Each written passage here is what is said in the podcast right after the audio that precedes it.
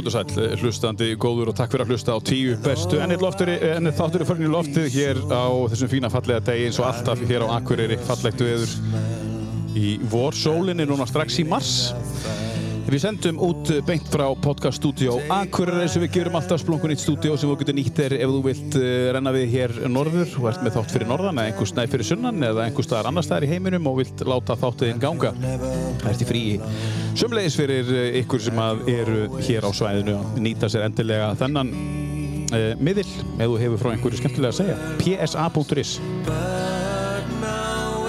Svo er það Uh, kostendu þáttarinn sem við þurfum að þakka fyrir það er Glerótorg, uh, Akureyri, það er Vesturarnarmeisteginn sem við eigum hér uh, í hjartabæjarins takk fyrir það Glerótorg Blackbox Pizza Akureyri styrkið þáttinn sömu leiðis og við þakkum fyrir það.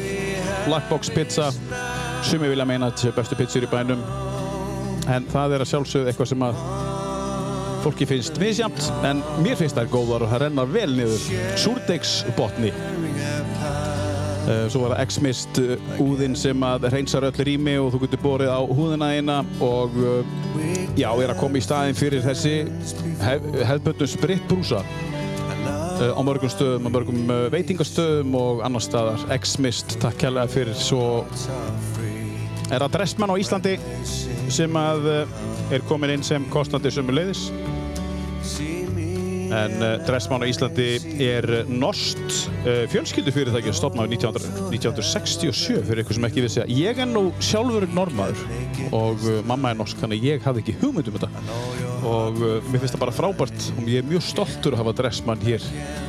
Mér vill lið í þessum þætti tíu bestu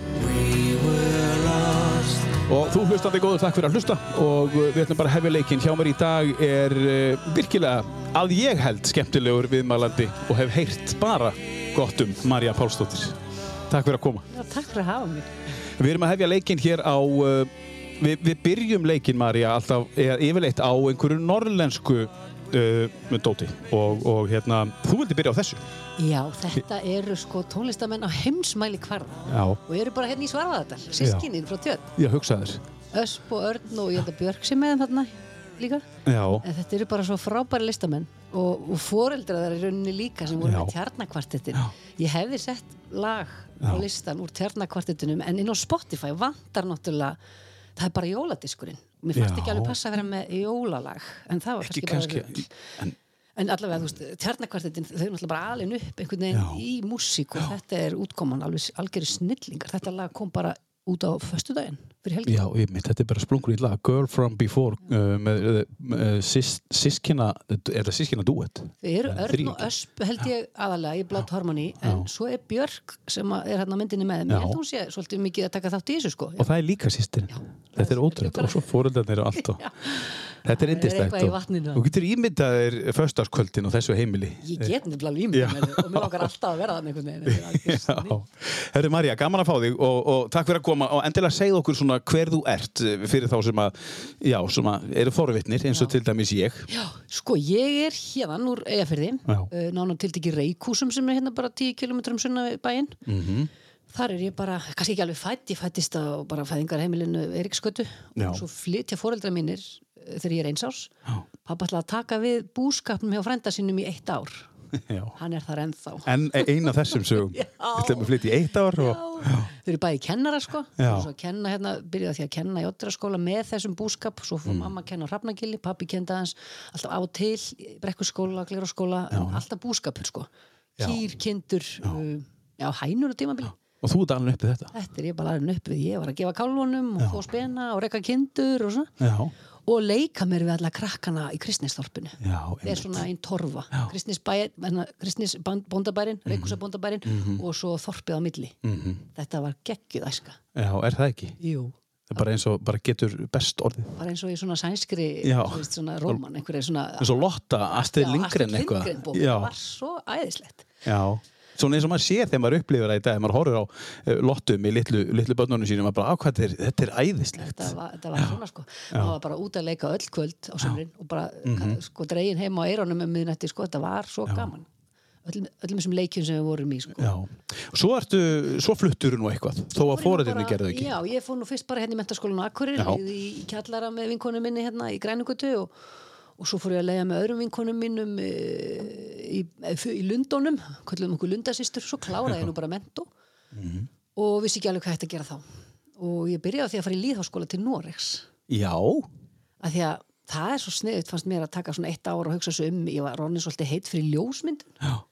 Um, Hvar, hvar í Nóri var það? það var í Sjeberg fólku hauskóla, þetta er svona Já, suður af Oslo Já, já og þú norðmaður, gaman já, því. Mamma er norsk. hvaðan? Frá Oslo, frá Oslo. Á Úslu. Ég nefnilega var í her, herbergi með norskri hérna, stelpu frá Oslo, Já, Lottu, og hún bauði mér alltaf heim um helgar. Þetta var alltaf heima, vist, sko. já, Þannig um helga var bara frekar svona fámennt þarna á skólanum, en ég fekk að fara með henni til Oslo og það var alltaf upplifels. já, æðislegt. Já. Sýsti mín eldri var í, í, í líðáskóla í Nóri. Ég man ekki hvort sé sa- sami en, en það, var- hann var söður af Oslo. Ég veit ekkert, man ekki hvað hann heitir. Fredrikstad er svona næsti bæri við, næsti stóri bæri við. Já, Þarna var sem sagt uh, ljósmyndalína, Mhm. íþróttalína, uh, bladamannalína og, og tónlistarlína minni mig, þú veist, og ég fór á ljósmyndalínuna. Og kennarinn var æðislega, hún var alveg mjög hvetjandi og, og hérna, bekkurinn frábær líka og, Mm. og hún sagði bara, Marja, þú ætti að leggja þetta fyrir, þú ert alveg með þetta. já. Og ég sagði, nei, Það ertu bara 16 að? nei, nei, nei, tvítu, útskrifu og Já, mentó. Já, útskrifum, já, fyrir ekki. Og þá hugsaði ég, nei, þetta er alltaf mikið samkefni, maður, ég get ekkert farað í þetta, maður, tristi mér ekki í það. Palli Pálsmaður byrjaður og... að mér fannst þetta eitthvað svona yfirþyrmandi. Ég, ég tristi Já. mér ekki í þetta mér fannst þetta mjög gaman og, og ég, mér finnst ég hafa líka grætt á þessu sko, með einhvern veginn bara, því að svo fór ég í leikhúsi sem er kannski ekki minni samkeppnismarkaður en veit það ekki stoppa mig þá finnst mér öll þessi myndbygging og öll þessi mynd og sjónræna hugsun í ljósmynduninni, það var nýst svo vel Er þetta tenging hann á milli? Er þetta að nýta þetta? Þú veist, og þú segir. ég held Bara- að að nýta allt Já. allt sem þú lærir getur nýtt Já. það er bara þannig og þarna finnst mér mér finnst mjög gaman að spá í, í myndum og Mm. uppbyggingu og, og litum og öllu þessu sko Er þetta að skjóta myndir í dag? Voða lítið og ég er eiginlega bara mjög léleg á Það síma var leiðileg, leiðileg spurning. já, fyrir, já, þetta var pínu svona ah, því ég sé alltaf fyrir mig sko að taka þetta upp aftur einhvern veginn, Já. en svo nenni ég ekki Nei, en þú, þú ert að gera eitthvað annað. já, já, það er alls konar Þú, þú tóst, við ætlum að tala um betur um hæli og eftir. Þú, þú flutti nú hérna nálægt, uh, já, eða allavega fyrirtæki nálægt gömlu hérna uppeldis. já, ég er heimilinu. að kom norður aftur til að gera þetta Já. að græja þetta því ég Já. fikk þessa hugmynd Já. en nú erum náttúrulega búin að hoppa yfir þú veist, lög sem átt að tengjast æskunni og svona Já, það er Verðum við ekki að- verðum við ekki að spila Jú, ef ekki gera það bara. tengist, að reyndar, allt í henni fatta ég það er fullt af sem tengist æskunni þannig í já. sveitinni Já, við erum eftir að tala svolítið mikið um sveitina, sko. já, er það ekki Jú, jú. en, en það Paradise uh, það, er, bara- það er svo sterk mynd úr minningunni við, hérna, Mm. þrjú sískinni sem búa á Reykjusabæðinu bróður þeirra Binni þetta eru þrjú sískinni, bara þrjú hús í röð. Og Binni og Rósa átt, eh, áttu eiga, fjóra, fimm drengi og við erum hérna fjóra sýstur og erum, það er svo mikill samgangur og það er svo mikið verið að leika og, og einhvers, einhverju sinni þá fengum við að gista hana og þá eru sem sagt Ingi Frendi og þröstur vinnur hans að taka þetta lag bara, mæma þetta lag upp á stofuborði og leika þetta alveg í botn og þessi minning hún, hún lifir ennþá, þetta er alveg Já, ég bara trúi því að... sjá þetta fyrir þér, sem er 14 ára gauða já, já, þú ert svona um það bil, uh, það gömul. Þegar, ég er reynda fjórum ára mingri fjórum, tíu, Já. tíu ára. En við ætlum að rifja upp hérna þegar Mari var tíu ára með uh, Meatloaf, nokkar, nokkar glefsur úr leginu.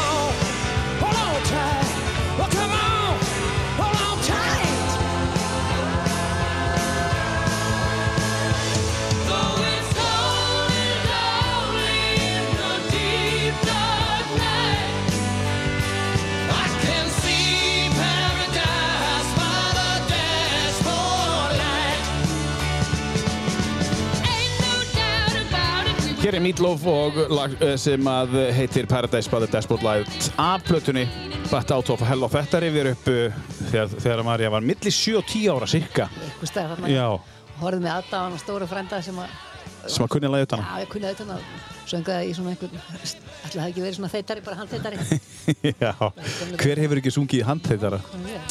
Uh, já, en segja okkur meira frá uh, já, ef, ef við höldum okkur eins við æskuna hérna sem, sem að greinlega var sem var dásamlega var Svo, dásamleg. svo var maður í Hrafnagilskóla barnaskólinn var sko það sem að núna er leikskólinn og maður fór svo í úlingaskólan þegar maður var orðin sko Já, yfir göttuna já, 12-13 ára þá fór maður yfir göttuna Já, já. og það var svolítið svona, þá var maður svolítið stór sko. Og, Já, þetta var ekki þá leikskóli eins og er í Var dag. Nei, það var ekki leikskóli. Og sko bara heima hjá sér. Já, þannig ég fór aldrei í leikskóla en, en, en sem sagt, barnaskólinn fyrst þarna og svo úlingaskólinn Mhm. -hmm. og við vorum mikla samlokur, ég og Ástís Birgisdóttir sem var hérna lengi námsráðgjafi í Vaffema mm. -hmm. Suðuníla við vorum saman í fimmleikonum og við legðum saman hérna í upphafi menntaskólans og það er ein mjög góð minning líka sem ég gleym ekki þetta er svona einmitt um þetta leiti ársins vorið er að koma og það er svona er alltaf brán og sólin er að hækka á lofti og við erum bara þú veist 13-14 ára svaka gælur sko, Já, já. alveg með þetta einhvern veginn hún, fekk, já, hún er greinilega fermt þarna því hún var búin að eignast gettoblastin það voru svona Já, já. manstu. þú varst með hann á öxlinni hún og við, við fórum sem sagt frá Hrafnagili yfir á Laugaland þar sem sundlaugin var það Já, já. voru það konar, tvær sundlaugar á Hrafnagili og Laugalandi Já. og tókum þennan rosa gaur með okkur og Eurythmics Já. í botn, ég man ekki hvort það var kassetta eða geisladiskur, skiptir ekki máli Nei. en við dönsuðum okkur yfir eferðar á ná braut, brautina þarna og upp Já. í lögaland fengum lánaðan líkilinn að sundlauginni Já. og vorum þarna bara tvær einar eitthvað Já Fenguðu bara lánaði líkil á sundlu? Já, við þekktum fólk sko og fólk Já, greinilega. Við vorum alveg að standa okkur í skólanum og svona búin að taka þátt í öllu og já, Já, já. fólk treyst okkur Já. Þetta gerði maður bara 12, 13, 13, 14, 14 fermdar sem sagt. Já, já. Þetta er svona ótrúlega góð minning. Eurythmics og svona girl power og, og við tvær Stóru, risastóru batterín í græjunum alveg bara Svolítið þungt sko. En þetta var Þetta var geggja Þetta var eins og ef maður fólk er með einhverja pínlítið í eirónum í dag þú veist og þú varst bara með gettoblastir Þetta var talum af stærri gerði Já, sko, risastóran, já, einmitt akkurat. Herru, þetta hefur greinlega verið skemmtilega æska. Nú er nú að breyta staðins nú er, er sundlegin lókuð Já, á Laugalandi Já, ég held það Já, á bólókinni og þú veist, og af hverju Er hún það hafi ekkert gerst? notuð? Er engin að nota hana? Ég held ekki. Nei, ok Ég held að sé bara svona einhver Já, hún er alltaf mjög lítil Já. og kannski dýrt að halda einhverju mörgu gangandi litlu sveitafélagi. Já, já, en þeir eru En nú með- þarna lærði þeir ég að með sko því að hrafnislögin var ekki komin sko. Já, já, já, auðvitað, nú ætla að koma hann Ótrúlega geggjaða minningar líka, þá fór maður með rútu og Já, þarna var Guðrún gamla sem að settu ullar nærbólin okkar á opnin svo að þetta er hlýtt þegar við komum upp úr. Þetta, þetta er, er ógleymanlegt sko. já, ég heyri það þetta er, Ég veit af hverju þú komst aftur heim Já, af hverju? Nei, bara því að þeir leið svo vel, Já, þú fóst já, og ég heyri alveg að þú átt svona æðislegar, æðislegar minningar í sveitina en, en, en þú fóst söður að að- að læra eða hvað eða, Hvernig var þetta nú? Eftir líðháskólan Já, þá, já, ég vann alltaf sko af og til. Mm. var alltaf að byrja svo snemma að vinna á þessum árum, þú veist, það var bara 13-14 ára var maður farin að vinna sér inn kaup sko einhverstaðar í garðirkjustuðin og grísar á svo fór maður að vinna á kristnespítala sem gangastúlka svona í aðleiningu og, og sumrin og jól, öllum fríum og sumrum var maður alltaf að vinna og ég kynntist uh, dásamleiri konu þar Þóru ákvæðdótt, nei, þú, jú, Þó- líka Þóru ákvæðin þetta var Þóra Magnúsdóttir. Hún saði mér það að hún væri að fara til Afríku já, með alla fjölskylduna. Mannin sinn og þrjú börn, hann var að fara að vinna fyrir þróunarsamvinnastofnun Íslands. Mm. hún ætlaði að fara með börnin þrjú og bara mér fannst þetta svo geggja því. Já. bara, wow, og svo skrifuðust við á meðan ég var í já, hvort hún flutt ekki þá einhvern veginn út. Já. og ég spyr í einhverju svona bríari, vantar ekki au pair eða eitthvað og bara spennt að fara bara til hennar. Og hún segir, nei, mér vantar nú reyndar ekki pair ég er hérna með þjóna hverjum fingri en kontu bara samt og verður bara selskapstaman mín. Og ég tók hennar bara orðinu. Hvað? Og Hafði fórstu út? aldrei hitt sko mannin hennar, hvað þá börnin? Nei, og einhvern veginn vílaði þetta ekkit fyrir mig. Ég sapnaði bara fyrir þessu miða, vann þarna eitthvað og eftir ég kom frá líðaskólanum vann ég fram áramótum og svo bara var ég farin í janúar, ég kefti mér eh, sem sagt sex mánaða miða út í janúar heim í júni og ég veit ekki eins og hvort ég ráðfærið mig við hana með það, veistu, Nei. það var bara eitthvað sem maður gerði. Já, já.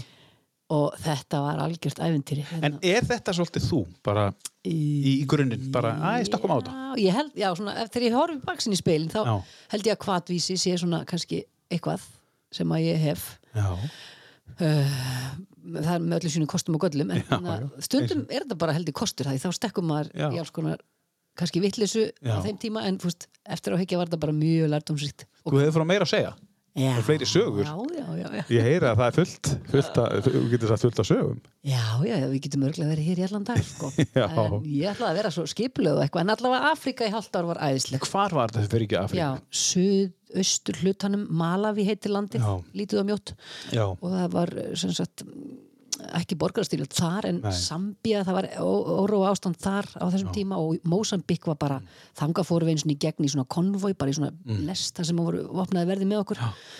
Um, en þetta var sagt, bara dásamlegt að vera hann í Malawi Þetta er bara ykkur 90 Þetta er 92 90, 92, já. eftir að ég er búin að vera Já, í skólanum og svo fyrst einhvern veginn, maður vissi ekki neitt veist, það var ekkert internet, maður googlaði ekkert. Nei, nei. Og, og maður kefti sér hérna Africa on a shoestring þetta Já. var svona þykir dóðrandar frá Lonely Planet Já. og, og lasi til í þessu en ég sagt, átti hann ekkert áður en ég fór þessa bók og held einhvern veginn bara það að fara til Afríku. Er þið nóg, þú veist, ég myndi bara upplifa þetta allt fá hann alla beint í æð. Mhm. en í svona forréttinda lífi svona eins og hvítir European sem að búa þarna í bara ríka hverfunu með þjónana og það allt, þú veist, það varst ekki að upplifa kannski svörtustu Afríku eins og ég held ég myndi gera. Nei. þannig að eftir nokkra vikur þarna á, á veröndinni með Þóru og besta kaffi heimi og besta súkulaði heimi þá var svona að hugsa, já, herðu ég verð nú eitthvað að upplifa. Já. þá var ég að rekast á hérna, fólk í sundleginni, hérna, svona, tú, svona túristar hreinlega, bara sem voru með bakbókan að þvælast um Afríku og ég bara, wow þetta hægt, fikk lánaðan bakbóka og laði svo bara staði eitthvað fimm vikna æfintýri Með þeim eða? bara einhverjum sem ég hitti. Já, byrjaði að farast með einhverjum írskum John, svo skildu leiður og ég ferðast bara ein og slóst í hópin þetta var, var svolítið svona, fólk var að fara ákveðin rúnd, sko, Já, þetta já. ákveðina leiðir ákveðin Já. staðir og maður bara dettur alltaf inn í einhvern nýjan og nýjan hóp. En þú bara stökkst á þetta? já, já, Já. fimm vikur og, og, og hérna bara Svo, svo, þú veist, það er ekki þetta, þú þurfti að ringja eða láta vita eða það er í lagi með mig, það var ekki, þú veist, það var ekki gemsar Já, þarna, sko. nei, nei, það var ekkert mikið verið að ringja ég, lét, ég held ég hefði sko, ég skrif, skrifaði ég skrifaði Já. Heim alveg mökk mikið af brefum -hmm. og Ég er góð? já, já, og ég held ég hefði ringt kannski einu svona tvist var á þessum sex Já, þetta bara var svona sko. Já, já. en hérna, Núna er bara, sko, þú ert ekki búin að ringja bara, þetta er þetta ótrúlega er eiginlega mikilvægur. pínu slæmt held ég hvað við vorum upptíkin að fylgjast með. Að stundum er bara gott að fá að týnast aðeins og Já. bara spjara sig. Þarna er 22 ára gömul og, og við ætlum að halda áfram að þú kemur, kemur frá Afríku. Við ætlum að taka eitt lag núna. við, hoppuðum náttúrulega yfir lægið með gettoblasterinn það er, Já, já, það er- Sisters are doing it. Já, það var það er ég gest. og Ástís með gettoblasterinn þú verður eiginlega Já, það er náttúrulega, uh, það er þegar þau eru á leiðinni yfir, yfir, yfir Var þetta þá bara í græðanum? Já, nákvæmlega þetta lag Já. Sisters are doing it Já, já, já. for themselves. Ah, þetta er æðislegt. Heyrim aðeins í þessu frábæra lagi.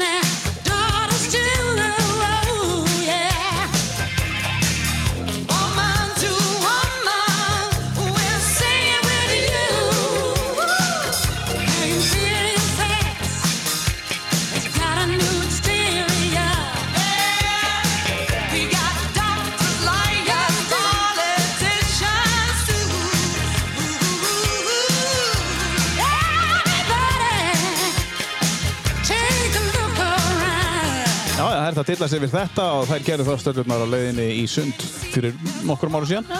Uh, með gettoblasterinn Sony getablasturinn silfurlita eða svarta. Þetta var, man, svo vel eftir þessum græjum. Þetta var alveg, Það voru stórkostlega græður. já, og þetta var svo gott samt í þessu. Já, það var, var þannig blá. já, þú gæst svona alveg stilt bassan alveg í botn og var ekkert málum Disko trefli. En herðu, og við vorum, uh, þú ert orðin hann 20 og, og, og, og 20 ára þú varst að koma frá Afríku. Er eitthvað meira Já. sem þú getur sagt okkur frá Afríku fyrir utan, er eitthvað sem gerðist á þessu ferðalagi sem er svona, Það er svo sem, þetta var bara dásamlegt Já. ferðalag. Já.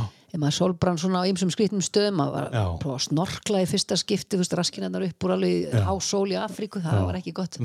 Eh, og svo fór ég á safari í svona dásamlega upplifin nema ég var komin með sennilega malaríu þá. nú, E, maður tekur rosa mikið af svona fyrirbyggjandi malaríu lifjum og fær sprautur og alls konar árum að fer hana. Já, En svo getur maður samt fengið malaríu. Og sennilega hefði ég orðið miklu, miklu veikari hefði ég ekki verið búin að taka sér fyrirbyggjandi lif. En þetta var mjög spes eh, heimferð úr þessu safari, ég mann svona ágætlega eftir þessu safari en heimferðin sko til uh, Lílongvi þar sem að ég var með bækistöður hjá Þóru og Bötta, hún er svona pínu óljós af því að ég var bara í óráði. Hva, hvernig verður maður veikur, hvað gerir þetta? rosa mikil hitti og slappleiki og beinverkir og ég man bara mér var hjálpað út úr rútunni inn í eitthvað gistiheimili hérna við leikmalafi og búið stort og fallegt vatn. Já, og ég bara ligg það, ég bara ein eitthvað, það er engin með mér á þessu ferðalagi þarna, ég er bara leiðin heim. Og, og læti ekkert vita, er ekki með síma ekki neitt, Nei, nei. en bara einhvern veginn að tullast þetta áfram og ég man bara um nóttina þá er mér svo heitt að ég lappa bara út úr þessu litla bungaló hotelli og út í vatnið og klukkan er svona fjögur og ég stend bara þarna upp að hálsi í köldu svalandi vatninu og horfi á sko allar litlu bátana fara út að sigla, þetta eru sjó, sjómennir að fara að Já, veiða. og þetta var alveg magist Já, moment sem já, ég man þrátt fyrir því. þessa sko hittavelli sem ég var með. En svo einhvern veginn tókst mér nú að komast heim og, og jafnaði mig bara á þessu. Já, en þetta var bara dásamlegt ævintýr og ótrúlegt að Þóra og Bötti skildi að hafa einhvern veginn að opna heimili sitt fyrir einhverju sem þið þekktum allar neitt. En þetta var En þú ert í góðu sambandi við þau í dag eða já, svona, já? Facebook sambandi Já, já. En sko, það lítur að vera hryllilegt að fá svona mikinn hita í svona miklum hita. já, veist- já, já, ég maður bara ekki Nei, það er bara, þú veist, það er 30 stegi hitti já, og þess vegna fór hérna út í vatni sko. já, stóðstu þar bara. já, bara lengi Já, já. svo kem ég heim Já, um, og hvað gerist þá? Þá er ég ekki alveg tilbúin já, ég var búin að svona í leið, sko, ég skrifaði með mér og sagði skráðu mig í líffræði í háskólanum, ég verði að fara að gera eitthvað gáðalegt í já, og svo bara þegar ég kom heim þá byrjaði því að skrá mig úr líffræðinu bara nei, ég er ekki að fara í líffræði. Hvað á ég að gera? og fór svo bara söður og vann í eldhúsi landsbítalans í tvær heilar vikur og þá dó eitthvað inn í mér. Já. það var ekki alveg minn tebóli En sko, af hverju líffræði? ég veit það ekki. Ég veit ekki, ég var eitthvað ímyndað mér ég hefði áhuga dýrum og.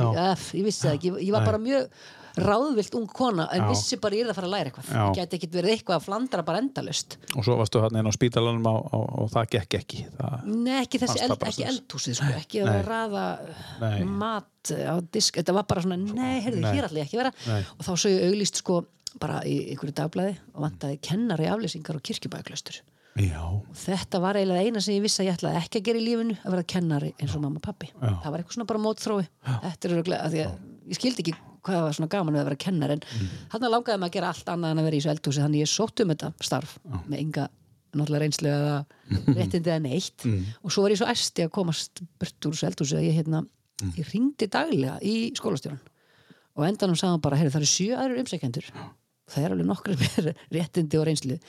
En mér líst svo vel á þig. Já. þú er svo bara. Og það var eitthvað líka já, já. en allavega ég fekk þetta tækifæri á kirkjubæðaklustri einn vetur. Já. og það var svo feikilega gaman að ég skellti mig svo bara í framhaldinu í kennu.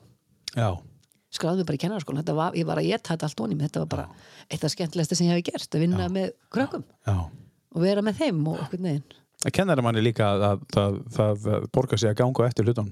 já, Þeir kom ekki til þín, þú sækir á. maður það svolítið að sækja það og Þú gerði það, að... Og hvernig var að vera á klusturinn? það var æðislegt. Já, ég var, ég var sko, ég nýbyrði í, háskólakornum og það voru 25 ára tónleikar hérna um haustið. Og ég vildi ekki missa því en ég fór á puttanum alltaf eftir kennslu á föstudögum og náði æfingunum þarna um kvöldið ég skil ekki alveg hvernig ég fór á því en þú veist það voru, hvort það voru klukkan 7-8 um kvöldið æfingarnar, ég náði þeim og gæti verið með í þessum tónleikum og svo hætti ég nú í kornum eftir það, það var full mikið á henni góða en þetta var bara æfintir, ég bjóð þarna á heimavist sem var búið að leggja niður og var hérna bara með herbergi og heima sem að búa að leggja niður. Já, þú veist, það var ekki krakkar á Nei, heimavist en svo bara svona íbúður í endunum þar sem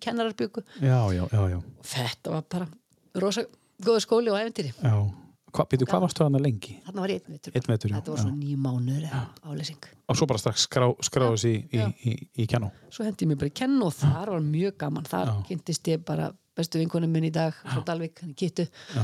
og við vorum saman í frábæru gengi ég, Ingun og Kitta vorum skitturnar þrjár hérna og skemmtuðum og dömmum alveg á okkur rassin.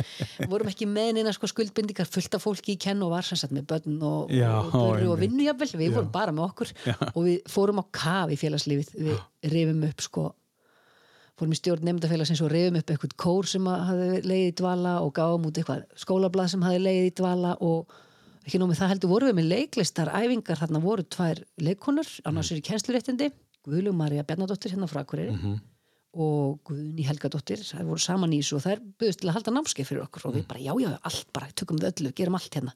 Og á þessu leiklistanámskeiði sem var mjög skemmtilegt þá, þá endanum þá sögðu það sko eh, kíkið inn í leiklistaskóla í hérna inntökuprófun og lítið það sem gott námskeið fyrir töðuskall við bara svona já hlóum bara einhvern veginn og gerðum ekkert með það, engin okkar. Já. svo á öðru ári í, í, í kennaraskólanum þá voru þær aftur með svona námskeið. Og eftir það námskeið þá svona króðu þær mig eiginlega af út í hotn og segðu bara Marja, ef þú ferði þessar pröfur þá skulle ég hjálpa þær með eintalir. Maður þarf alltaf að vera með svona mónulók sko. Já. og ég bara ok, en spennandi já, akkur ekki, ég, ég engu að tapa ég get bara litið á þetta sem gott námskeið og, fer í þessar pröfur og Gulla hjálpa mér að undirbúa mig með geggjaðan mónulóg og bara í kannski að því að ég var svo afslöpu og, og ég var ekkit endilega upp á líf og dauða ég var bara ánað í kennu bara að... sildi að inn. Já, já, þú varst ekkert eitthvað að æsa þig hann bara, næ, ég ég var þetta bara með prjónana mína, Já. sviltist lög og Já. bara það ógislega gaman af þessu. Já. en svo var ég bara alltaf komin inn. Pappi rálaði mér nú að klára fyrst kennu og Já, ég bara, þetta er ekki þannig pappi, ég kemst þér ekki inn aftur. Þannig að ég hætti bara í kennu Já, já, eftir eitt ár eftir. Já.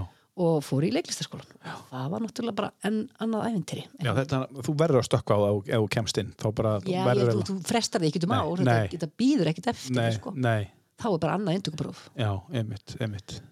Og hvernig var að vera í, það var ótrúlega magnað líka. Ég, einu, það var svona pínu skrítið að koma inn og maður var svona ég var svona lengi einhvern veginn að svona yða í skinninu einhvern veginn að máta með hann inn svo allt í einu fattaði kannski hvað það var því að þegar ég fór að skoða mína skólagöngu þá hef ég alltaf verið með alveg miklu fleiri stelpum heldur en strákum.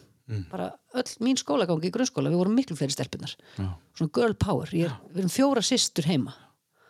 Og Já. svo fyrir ég kennu og það eru bara konur. Þarna hins vegar er 50-50 já, fjóra stelpur, fjóri strákar og allt í hennu var þetta eitthvað svona uh, veitu, akkur hlusta ekki allir á mig, akkur, akkur fæ ég ekki ráð hvað, hvað, hvað hvað er gerast?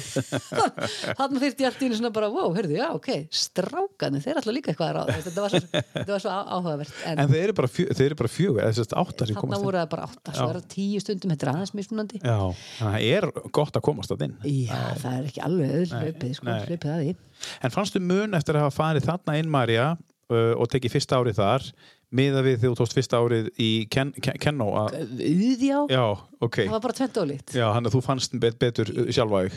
sko, mér fannst svo geggjað í þú veist, Já. það var einhvern veginn bara þá var maður bara svona einhvern veginn að surfa á Já. bylgjum, bara á gleði bylgjum þarna var þetta miklu meira ströggla því að þarna ertu líka að mæta sjálfum þér þetta er svo rosalega nafla skoðun út að fara svo nálagt þér í öllu þín út að skoða sjálfum þeim svo mikið og mm -hmm. get alltaf glaður að sjá veist, Nei, það sem hún nei, stundum er maður bara ekki sáttur og inna, þetta var bara miklu meira krefjandi bara svona Mm. persónulega einhvern veginn já. en hrikalega gaman og hrikalega gott fólk þarna og, Mhm. og bara yndislegu, tími sko Förum aðeins dýbra í það á eftir. Tökum eitt lag að listan inn núna. Þú, þú við? fjast hérna tíu, þú fjast lista á tíu lögum sem við áttur að velja. hoppum yfir eitt þarna frá Nóri það er Já. Voja Condíos Já, það er frá Nóri. já, það var Noregs, Noregs árin hérna Já, já, hérna, já. það var hlustað á mikið í Nóri já, þetta er belgist band um, Já. að ég held. ekki Já, kanadíst Nei, já, þú veist, getur vel verið.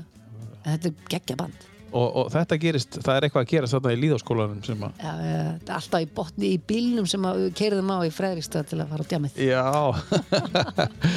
Þeir eru skulum spóla einhver, já, nokkur ára eftir. Já, já. I got on the phone and called the girl, said me down at Curly Pearls for nay na na na. In my high heel shoes and fancy fads,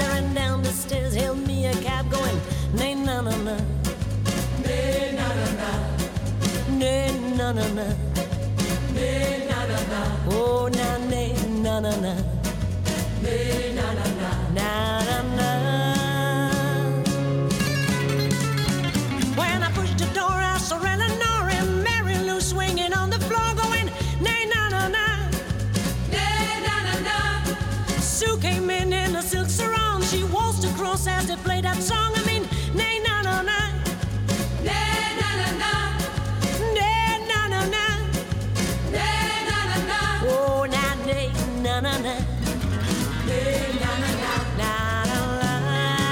Heyrim hér í hljómsveitinni Maja Con Dios og lag sem heitir Nei Na Na Na sem við þekkjum öll uh, margir hefur heilt þetta Night Owls og þetta heyrði Marja þegar hún leiðin á djammið í Nóri og leiðin til Fredrikstad á einhverjum bí- lánsbíl Ég var oft látin keira sko. Já, var náttúrulega að keira Akkur varst þú að keira? Bara... Ég var bara svo skamt komin á þessu svona Já. Já. ég var bara frekar nýskriðan og mentóana og, Já, og ekkert mikið að taka á því þar í svona nei, djamgýr nei En þú fórst samt á djammið en öðruvísi bara Var keirt fram og tilbaka og ekkert mál ekkert mál Nei. Herðu, við vorum að tala um uh, uh, leiklistaskólan. Uh, uh, hvað er þetta langt nám sem þú ferði í Það þarna? var, þegar ég var í leiklistaskóla Já. Íslands eins og það hétt, það var ekki orðið listaháskóli Nei. þá voru þetta fjögur ár, það voru Já. þrjú ár í svona bara intensífu námi Já. og fjórða ári var svona eins og lítið leikhús, nefnda leikhús Mm. Og nú er það farið og sem er kannski svolítið miður því að þetta var mjög skemmtilegt sko, Það var svona verklegt. já var, settur bara upp þrjú stykki Já, þú settur. eða sem sagt við sem bekkur og við fengum bara alvöru leikstjór og búning Já. og leikmyndahönnu og þetta var svona, þú lærði svolítið að taka einhvern veginn utan um þetta allt auðvitað gera þið það í dag þá, þetta er bara búið að þjapa þessu miklu meira saman Mhm. um, ég hef ekki viljað sleppa nefnda leikus árinu sko en, en, og þá líka getur fólk komið og séð þú veist, utan úr bæ og allir bransinn en Mhm. það er bara búið að þjapa þessu betur saman núna Og er þetta þrjú ár í dag þá með, Já. með þessu verklega parti? Já, hann er, þau eru með lokasýningu og það er Já. eitthvað eitthvað aðeins að vaksa til dæmis er núna Marta Nordal farin söður Já, til að leikstýra nefnda uh, Mhm. útskriftaverkefninu í samstarfi þjólikús þetta er orðið svolítið svona veglegt og flott sko. Já, já, þó sé ekki heil vetur þá er þetta flott stykki sko. já, já. Þú ert uh, hérna að minna með Mörtu. Já, hún, uh, hún er leikhússtjórin Mhm. og, og, ég- já, og ég sem sagt er þá ég skólastjóri í leiklistaskóla leikfélags Akureyri Akkurat. sem er Sem er ný, nýtt batteri eða? eiginlega ekki, eiginlega er þetta já, hvað er þetta að vera gammalt? Marja Siguradóttir þegar hún var leikustjóri í leikfélags Akureyri, þá stopnaði hún hennar skóla Já, þá var meira kannski pláss fyrir hann þá var rýmið já, þarna já, já, uh, og þetta er bara búið að vera síðan. Já, og hérna, ótrúlega að þessi skóli hafi lifað svona lengi, sérstaklega þessum að hann fylgdi náttúrulega bara með í saminningunni já, já, já. þegar leikfélagi saminaðist og var, var það já. en þau hafa haldið honum við sem betur fer, nú eru 93 nefndu við hennar skóla, það er ekkert smáraði það er pínu erfitt með Er aðstöðuna 93 nefndur? Já, frá aldrinum 7 til 16 Vá. Já, þetta eru nýju hópar sko og ég er með þrjá kennara með mér í þessu Já. Þetta er alveg mega batteri Og svo eru þið með gamla fólki. Svo erum við nefnilega búin að bæta við fullorins Já. námskeið og ég sé að þú ert að koma Já, já. en gegn já, já. Frábært. Skráður. Já, og Bara prófa eitthvað nýtt. um að gera Já. um að gera, sko. Gera Ég- eitthvað allt annað. Það var búið að vera að neipa svo mikið í mig hvað ætlaði ekki að vera með námskeið fyrir fullorna og ég bara Já. skinjaði mikið áhuga og ég sagði, jú, auðvitað, auðvitað gerum við það bara og tjekkum að prófum að auðlýsa og það fylltist bara Já, samtals já. Ég ætla bara svona að skrá mig í róleitum. Það er bara, það er bara fullt. Ég er bara, ha? Þannig að þú ert að setja námskeiðinu Já, ég er að setja námskeiðinu, já, já. já. Það er ennþá nokkur laus pláss þar ef einhver er að hlusta En ótrúlegt, uh, ótrúlegt. En, svona, hver, hva, af hverju þessi áhugi? Já, sko, alltaf ekki ímislegt sem kemur til, það er kannski langt síðan fólk bara er ekki COVID líka eitthvað að hafa Jó. fólk bara er svo til í eitthvað Já, til í að gera fólk eitthvað. og gera eitthvað Já, skemmtilegt einmitt.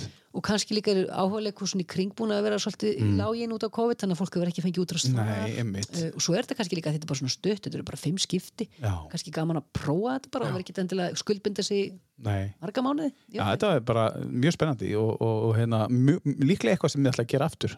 mjög líklega að við þurfum bara fyrst að prófa fyrsta námskeið að sjá hvernig Já. gengur ef þetta verður algjört fjasko að gera þetta aldrei aftur Nei, en uh, ég bara vona að þetta Þetta getur ekki ára fyrir, sko. Nei, þetta verður bara gaman sko. En er þetta, er þetta víðar, svona fyrir fullóna, Ég veit, á í? Reykjavík er uh, opnar dyr, það er hún Ólöf Sverris og, og, og, og Óli, Óli Guðmunds, þau eru með svona fyrir fullan og ég held að það gangi mjög vel. já. Ég veit ekki um fleiri en það er náttúrulega alltaf í gegnum sko bandalags, hérna, bandalags íslenska leikfélaga, þannig á vorin eru þau alltaf með bandalagsskólan sem að var hérna einu svona húsabakka í Svarfadal en núna komin á Reiki út af fyrir Já, já. það er náttúrulega alveg rosa flott mentun í gangi já, já. um, já, Þannig að maður er aldrei á setn maður er aldrei og setn og aldrei og gamall að gera eitthvað, eitthvað, eitthvað nýtt. Nei, ég á sé, ég sé að Indiana, hún auglist þetta sko dreymir þið um Hollywood eða viltu bara efla sjálfa þú veist, þetta með Hollywood, það er kannski, það er kannski alltaf að hafa það opið en það er svona meira hitt sem við erum að stíla inn á að fara út fyrir það endar að mann styrkja sig prófa nýtt og bara hafa En gaman. núna eru þessar bíómyndir, það er eflagur teknar upp hér á landinu og það eru nú fleiri íslendingar komnir í, til Hollywood. Já, Jónis Haukur er nú til dæmis gott dæmi, hérna Ólafur Darri og, og fleiri, og, og, og tvær stelpi, mann ekki alveg hvað er heita, það er heiða heitir einu Heiða og Ragga, hérna, leki Vikings, hérna, meina, þú veist, við erum að tala um, þau eru bara í Hollywood stikkjum,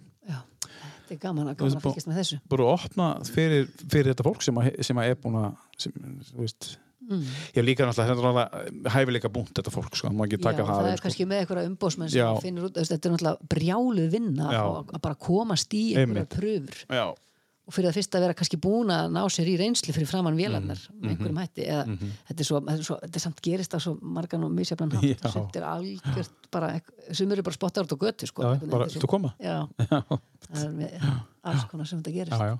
En þú ert að starfa þarna núna, þetta er þitt aðarstarf. Já, ég er í, í hálfu starfi á menningafélaginu Já, og um, er svolítið svona bara, mér finnst ég alltaf að vera á einhverjum tímamótum og gatnamótum og svona, ég veit ekkert hvað þetta verða þegar hún stór einhvern veginn, er en ástæðan fyrir ég fyrir norðan er náttúrulega babyið mitt, það er hælið, Já. setur um sögu berglana Já, einmitt. Ástæðan fyrir þú komst heim Já, það var eiginlega og þú átt tengingu í, í, í þetta. Já, þetta er náttúrulega bara ég bara aftur komin heim á torfuna sko Já. þetta eru æsku stöðvarnar, þetta var Já. þannig að ég var að heimsækja mamma og pappa Já. eins og maður gerir, ég bjóði Mhm. byggði mér hús þar og var lukkulega með mann og þrjú börn Já. uh, var svo bara heimsækja mamma og pappa 2015 og er eitthvað að rölda hann um Kristnisþorpi og bara, óðalegt er að sjá hvernig allt hefur hnignað hérna, veist, Já. húsin að skella í lás, eitt af öðru íbúðunar og íbúðarhæfar og að því að það gerðist nefnilega eh, eignarhaldið breyttist þannig allt í hennu fekk sjúkrahús að akkur er allt þorpið í fangið Já. öll húsin, já, já, en ekki nægilegt fjármagn til að viðhalda þeim, þá fer sem fer. Þá loka þau bara peningur til að halda þessu við. Þannig að allt gamla starfstúlkunaheimili bara fullt af búslóðum Mhm. gamla íbúð aðstofaleknisins og, og bara lokuð. Mhm. og ég var bara svona, oh, hvað gerir ekki einhver eitthvað fyrir hennan stað? Og Mhm. svo bara, veit okkur gerir ég það ekki? Já, það var svo mikið aha moment, þetta var bara svona ég herði ég er 45 ára. Já, ha, ég þarf ekkert að býða eftir einhver segi mér eða spurji mig eða byðji mig.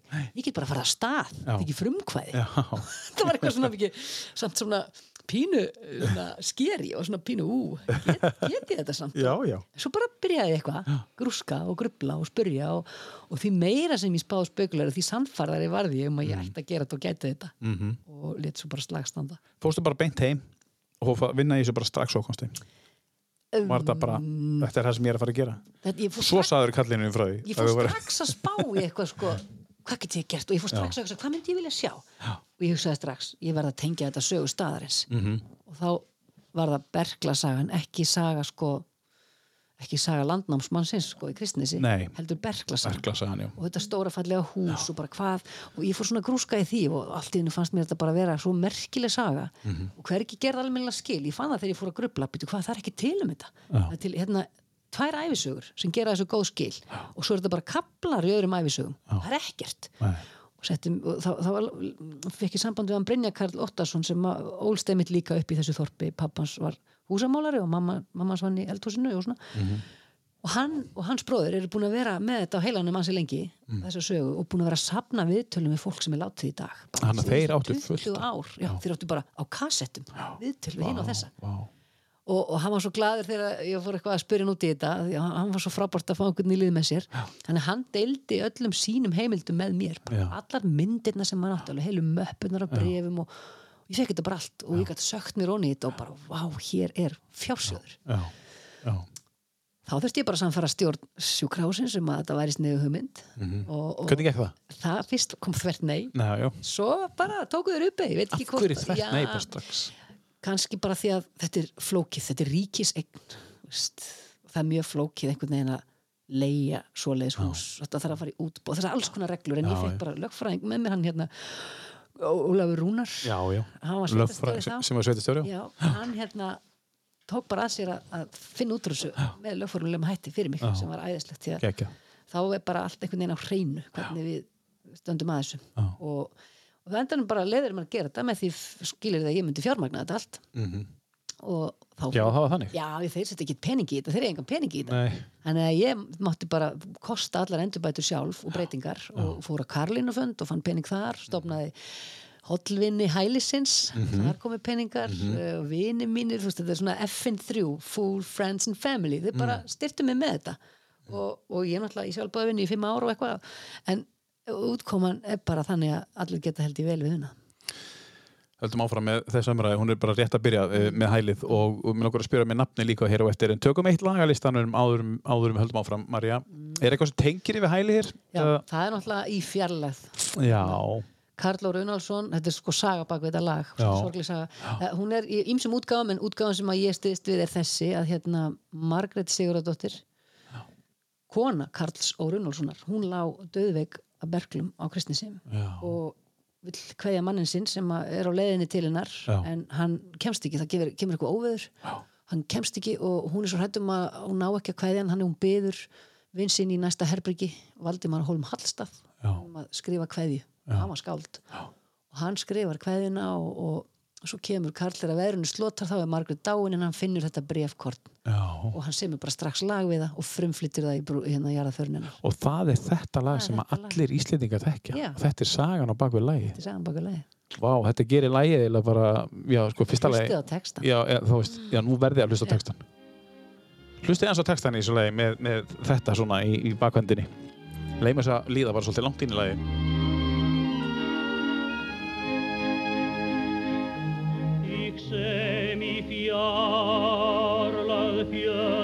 Bak við dvelur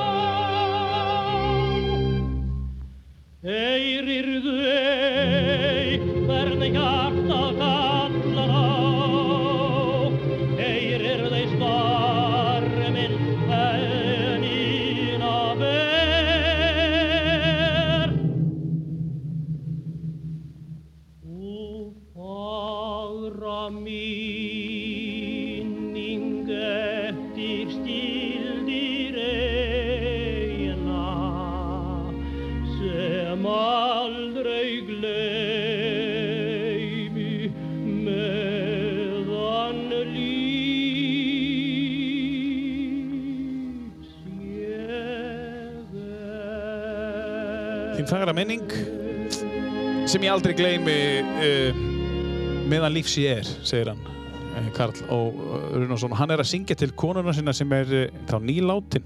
Sko já og málið er að þau áttu barn þannig að það er færa minning sem eftir lifir. Já, já, það er minningin, já. Já. Já, já, já, Þetta er einn útgáfan að sögun en já, og svo er eitthvað, það búið að vera reiki sko hver á textan því að uh, hann skrifaði ekkit nafnið sitt undir Nei. Hann setti bara César já.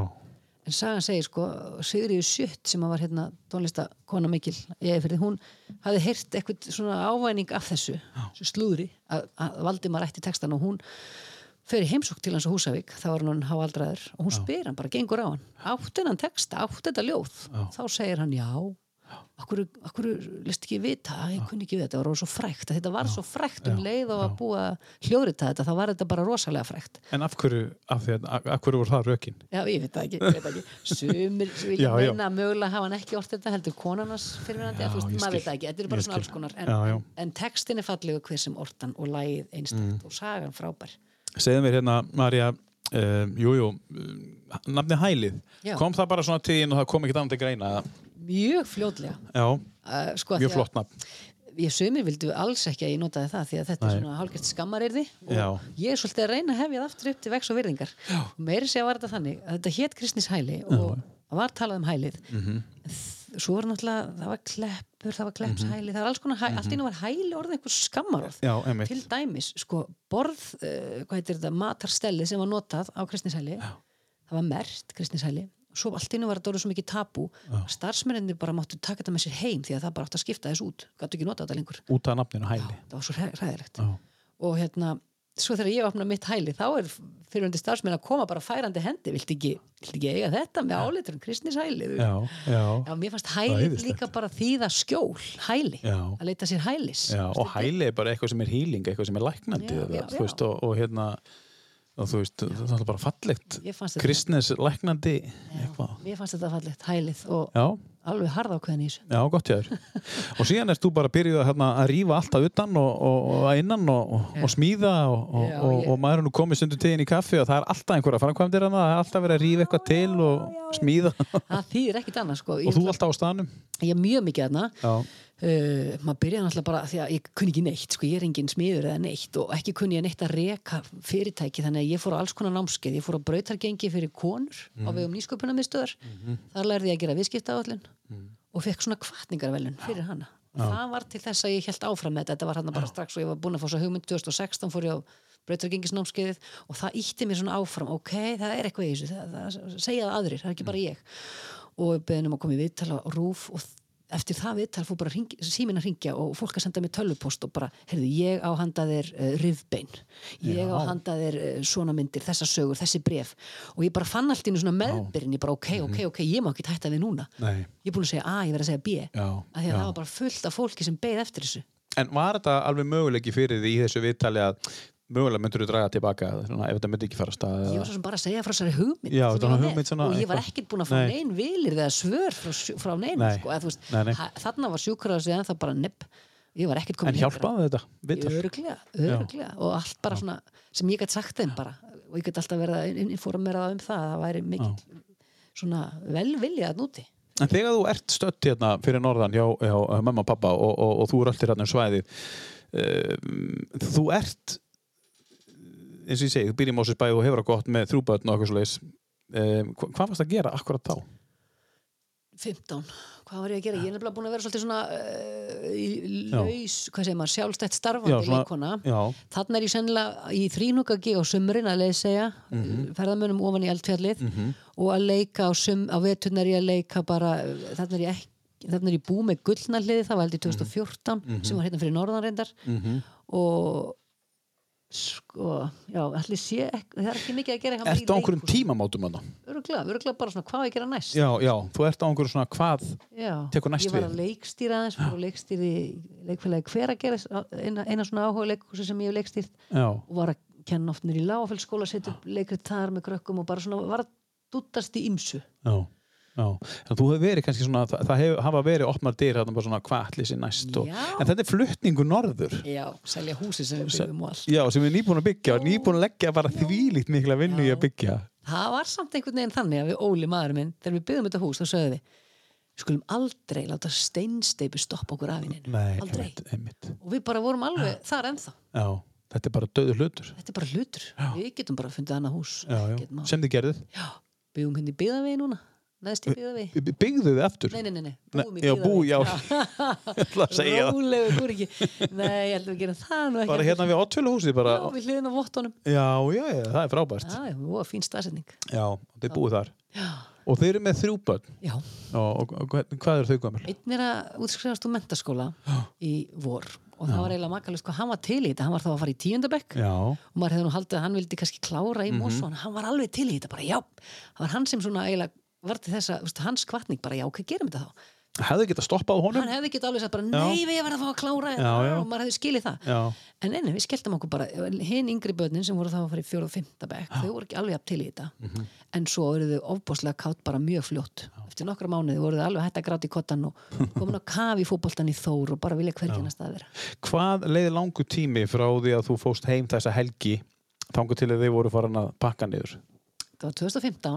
þessa helgi þangu til að þið voru farin að pakka niður? það var 2015 og 2017 erum við komin inga Já, einmitt já.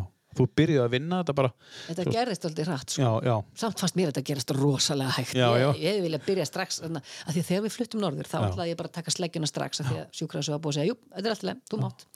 Og ég sagði, er það alveg viss, þurfum ekki að fá leifin neins, nei, eigum þetta, megum þetta. Svo er ég bara að fara að taka sleggjuna þegar ég segja, heyrðu, bæ, bæ, bæ, bæ ráðuniti þarf að samþykja þetta. Oh, og ég bara, ég trús ekki. Já. ég trús ekki. Já, varst búin að spurja Já, já, já, sérstaklega já, út af já, þessu. já. en það var bara kannski gott af því að ég þá beigði allan þennan vetur eftir jáinu og hamaðist á Karolína Fönd að sapna og gætt grúska miklu meira og undirbúið Mm. alls konar sko gætt bara undirbúið hans betur og komið bönnunum aðeins fyrir, þetta var bara gott Mm. á mig eiginlega. Já, já, svo kom hérna svo kom þetta, já, græniljósið um voru 2018 já. Og mér tókst að opna kaffihúsi strax bara í ágúst. Þannig að það voru bara nokkri Já. mánuður Vá. ég tók þetta svona í skrefum, ég tók ekki allt. Ég át fílinn í bitum.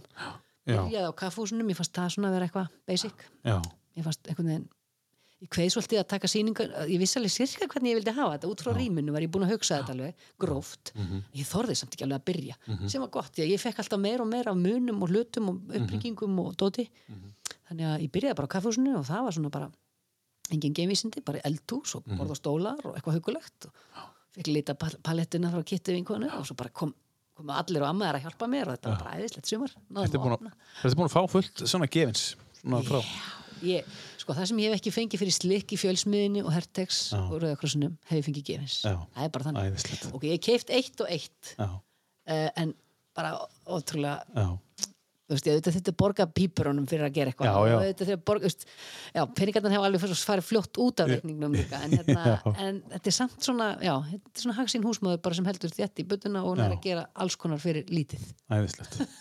Við ætlum að ræða hérna sýninguna sem við vorum með á hælinu eh, á síðasta ári sem að eh, er algjör tilviljun að hafi komið á síðasta ári með að við allir hrjótt að vera með grím og ímislegt annað. Mm. Það var tilviljun. Já, sko, Já. leiksýningin Tæring sem við settum upp inn í sýningarýminu Já, hún varð alltaf að taka mið af þessu sýningarými og náttúrulega að því að þetta var berklasýning og tíu manns og svona þá fannst okkur rosa fyndið að hafa grímur. Já, það var alveg pæling sko að að láta gestina fá grímur áður en að COVID kom sko. áður en COVID kom sko. Já, ég er að meina það sko. Það var að það pæling, svolítið, til, tilviljuna kent Já. Mér minni það allavega, allavega þegar það þótti, það allavega, þótti alveg mjög sjálfsagt eftir að COVID kom Já. að hafa grímur. Hún talaði um það, leikustjóri Marta, að þetta hefði verið svolítið skemmtilegt hún komið þann dag. Já, og já. Herðu, tökum næsta lag og tökum eitt lag í viðbútt og svo höldum við áfram. Hvað, hvað eigum við að taka næst? Nú, Eh, María? sko, við erum náttúrulega já, býtu, ég er búin að hoppa yfir eitt og annað þannig Mhm. er til dæmis Boogie Street Nei, við tökum tölum við það eftir uh, The Way We Were, þetta. Já. lag spiluðum við mjög sundur og saman í Kenno Já, ég gitt á yngun og þetta er svona minningar úr Kenno dásamlega, þetta eru þríekið, heila þríekið eins og þú segir. skittum það þrjár Skiptuna þrjár voru það, já, já. Og þetta, þetta er bara kenn og þetta er, Þetta er Kenno, þarna vorum við að bruka rauðvín og mikið að partíu já, ok. dásamlegt. Og þetta er hún bara klætti snæta eins að ræða málin í byrjun, byrjun, byrjun, byrjun lags. Og svo farið af stað með, með hljómsveiturinn hennar The Pips, frábært lag The Way We Were. Um, Kenno, nostalgía í þessu. Já, uh, góðu tími í Kenno. Já, Já. frábær, frábær Þetta voru tvö ár af þremur. Já, svo tók ég þetta þriðja árið bara í fjarnámi í fæðingarólofi í Svíþjóð Já, þú ert búið með það nú. Í Svíþjóð? Já, já. Flott, fyrir til Svíþjóðar eftir. Þetta verður spennandi. Try to remember. And if you remember, then follow. Or why does it seem that the past is always better? We look back and we think the winters were warmer, the grass was greener, the skies were bluer, and smiles were bright. Can it be that it was all so simple then? Or has time rewritten every line? And if we had the chance to do it all again, tell me, would we? Could we?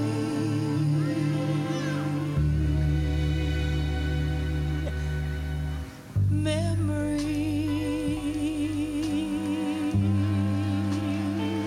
like the corners of my mind.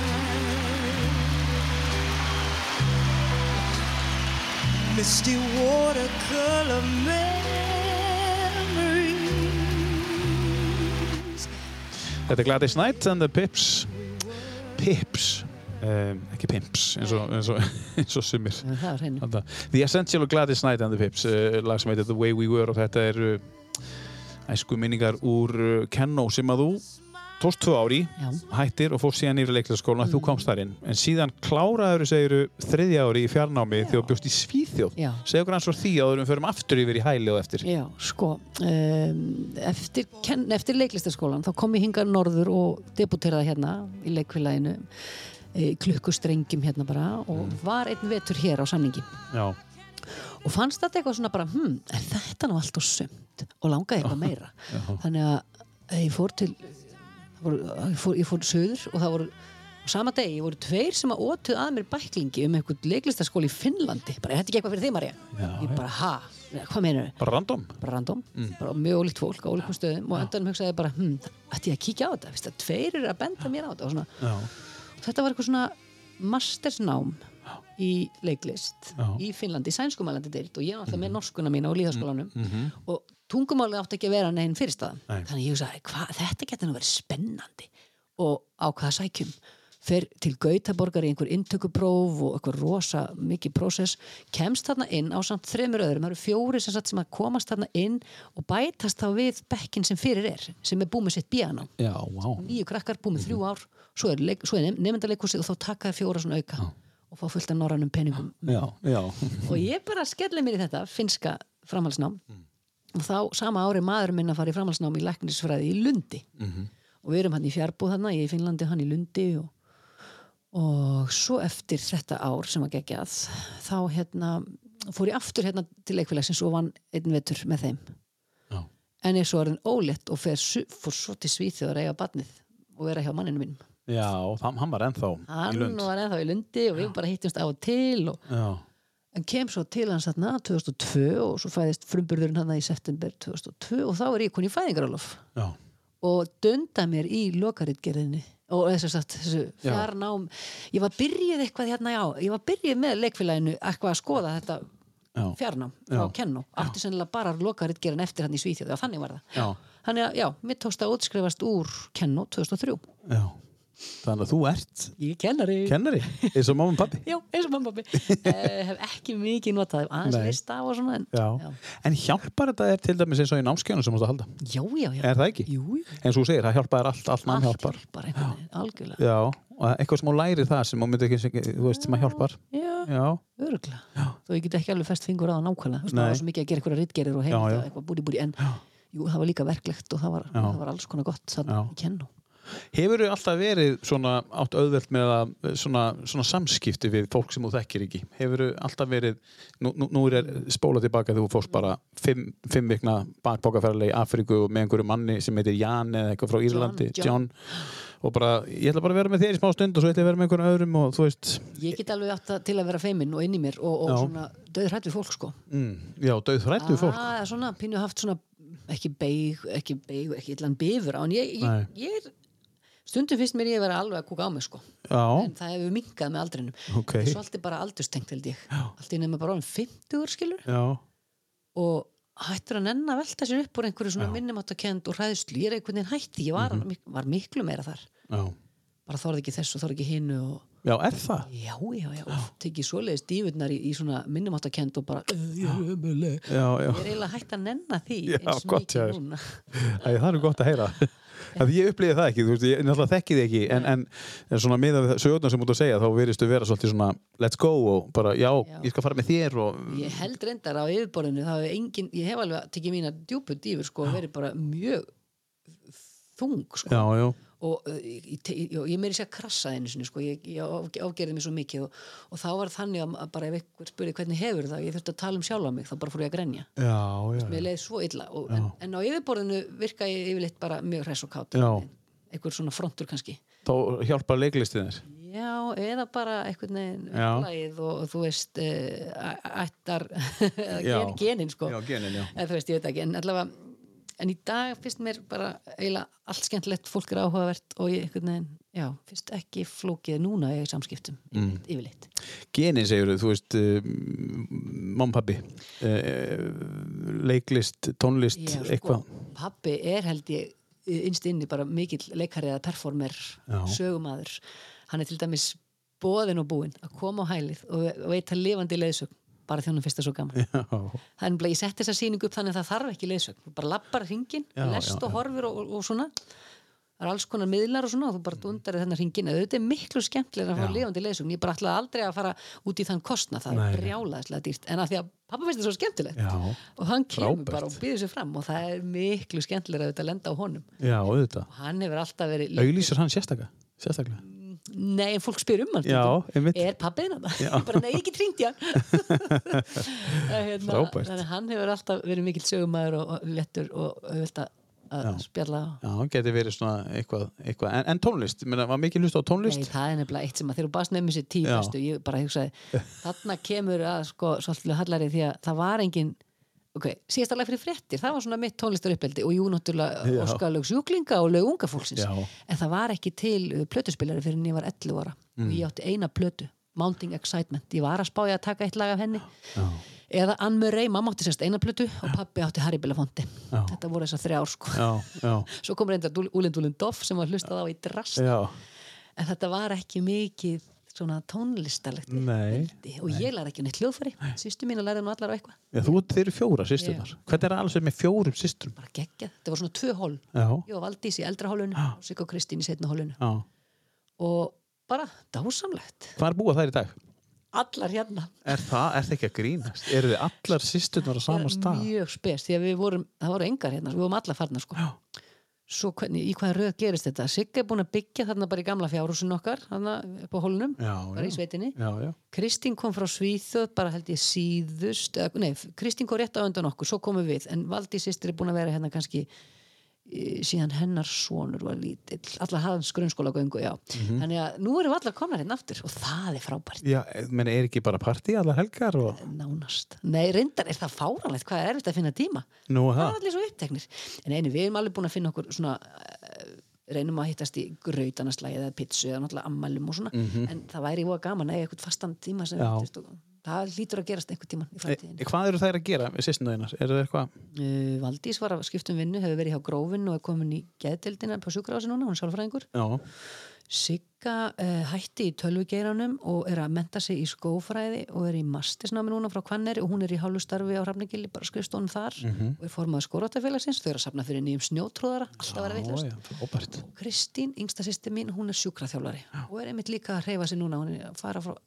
ebling nei, hvað heitir ebling, mm ebling. Mhm. Jú, Efling. og yfir í sjúkrahúsið. Það eru allar að gera eitthvað. Já, já. Og allar komnar heim, þetta er alveg einstætt. Mamma og pappi alveg í skíun hvað heldur þú? og öll börni þá, öll, öll, öll, barnaböndin hérna á staðinu með þá Þetta nú er það kannski eitthvað að fara að breytast því að einn útskrifaðist í fyrra einn útskrifast í vor. Spurning hvað þeir gera. En hinn verða hérna aðeins áfram sko. Þetta er æðislegt. þetta er Herri, við skulum hendi í lag, þetta er bara meiri áttar og fara svo aftur yfir í, í hælið og, og hérna Já. sýningunum sem vorum með eigum við að heyra lagið sem minnir mig á Svíþjóð Já. Cornelius Vreesvik við hlustuðum að hann í spaði tók bara eitt lag sem er svona krútlegt Já, já. Vre, Cornelius Já, Vreesvík hollenskur, en mikið, hann bjó í Svíþjóð og var mjög frægur þar og, og bara dásamlegu tónlistamæður og syngur á sænsku. Uh, lag sem heitir Turistens Klagan. það er ekki allir þetta lag Er það ekki? jú, jú, Já, býtu bara já, við skulum heyra þetta.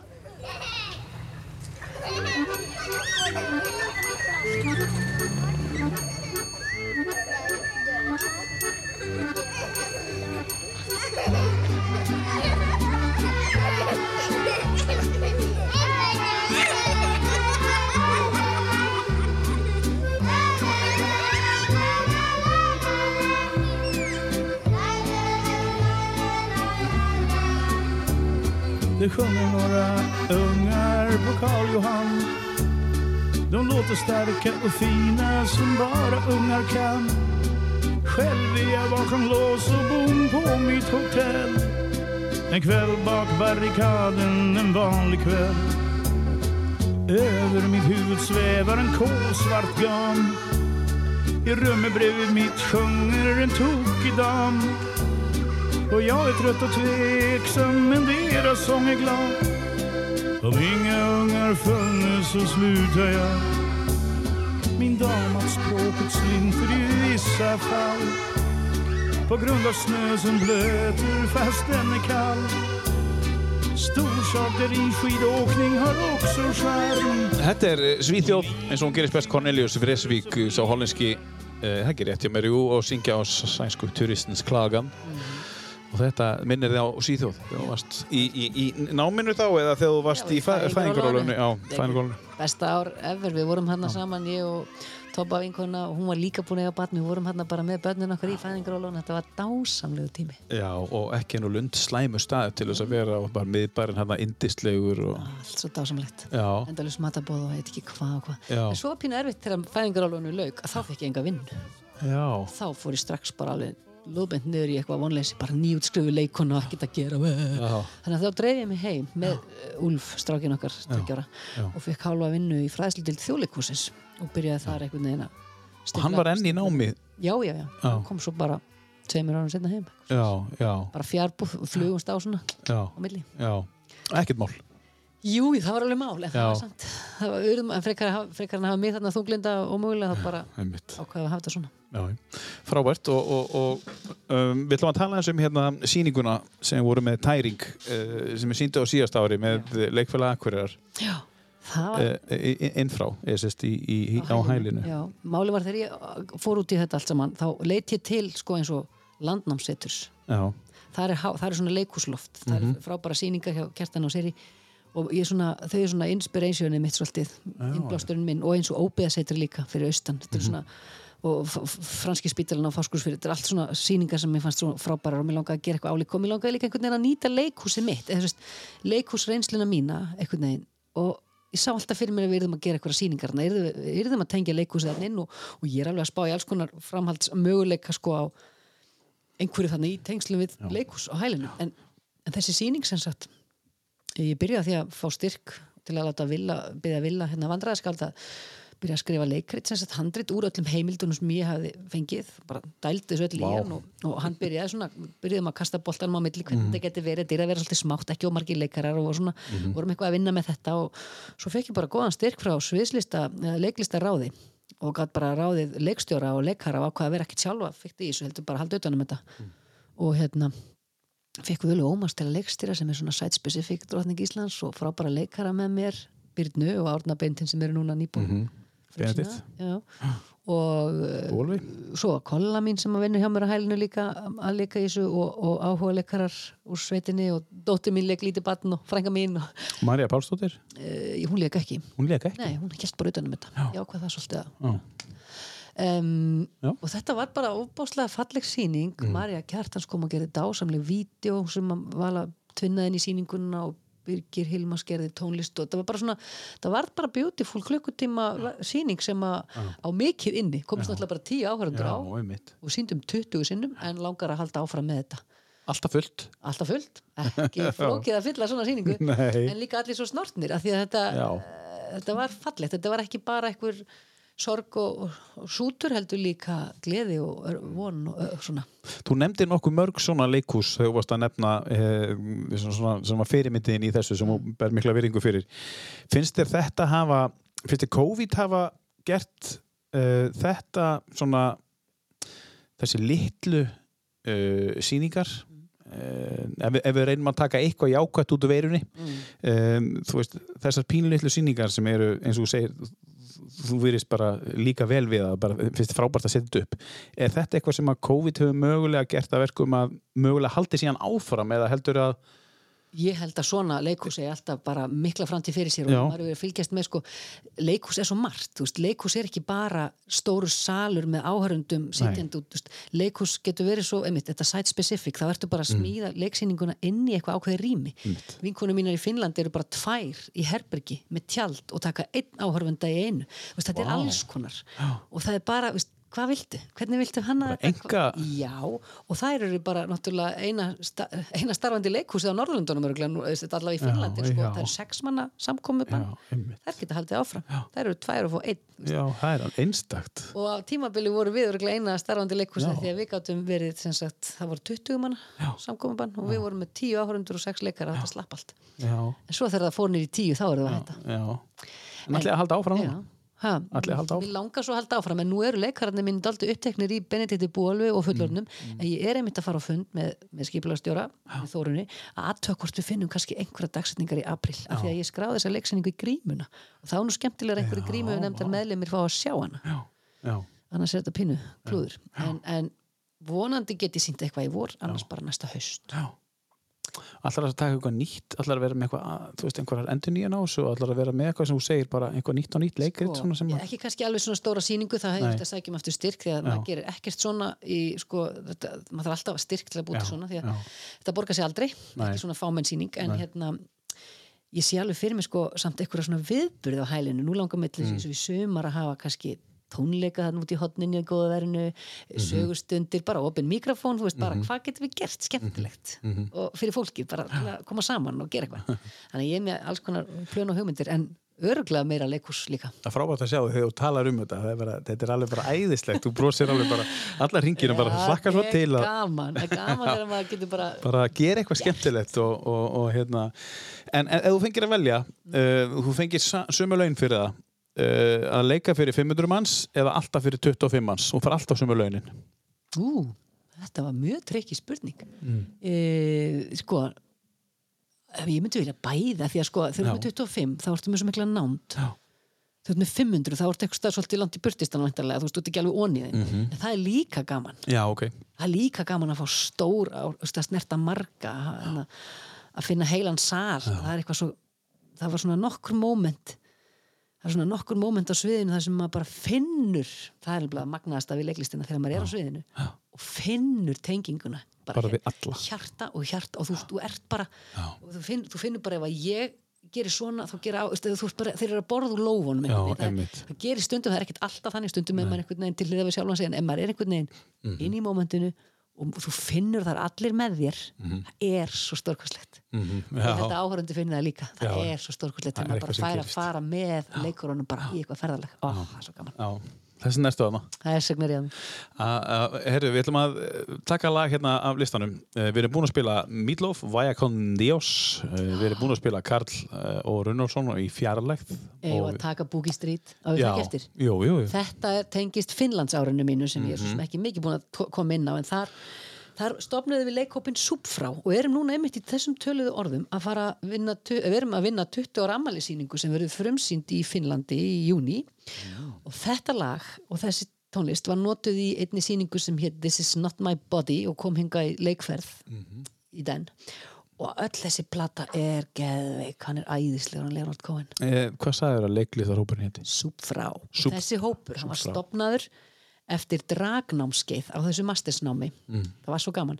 Það kom að kona sem kendi okkur að breyta okkur í kalla og skildi ekki þetta væl, það var eitthvað væl í okkur því að það var eitthvað svona óreitlegt það var eitthvað óreitlegt í gangi, mm Mhm. stelpunar höfðu bara fengið að leika auka hlutverk strákarnir aðhlutverk og það var Mhm. allt brjálað hún bara, hvað er það að væla? just do it, gerði þetta bara, leikið þetta bara kalla. Og það var svo gaman að fara í þessi kallagerfi og leika þessa kalla, að við stopnum hennan leikhóp í kjölfarið. Já, og höfum verið að starfa saman fyrst í tíu ár og svo pása í tíu ár og svo núna aftur já, æðislegt. Þannig að þetta getur maður kannski séð hérna heima einhvern tíðan. Við erum að stefna því að koma í leikferð til Íslands í november á Local Festival í Reykjavík Geggjað. og Marta var líka búin að skrifa eitthvað letter of intent hérna norður, sjáum til Mm, spennandi. Já. Eh, Mögulega bara í ella í höst. Þetta er Leonard Cohen á lag sem heitir Boogie Street. Það var svo fallið I'm back on Boogie Street.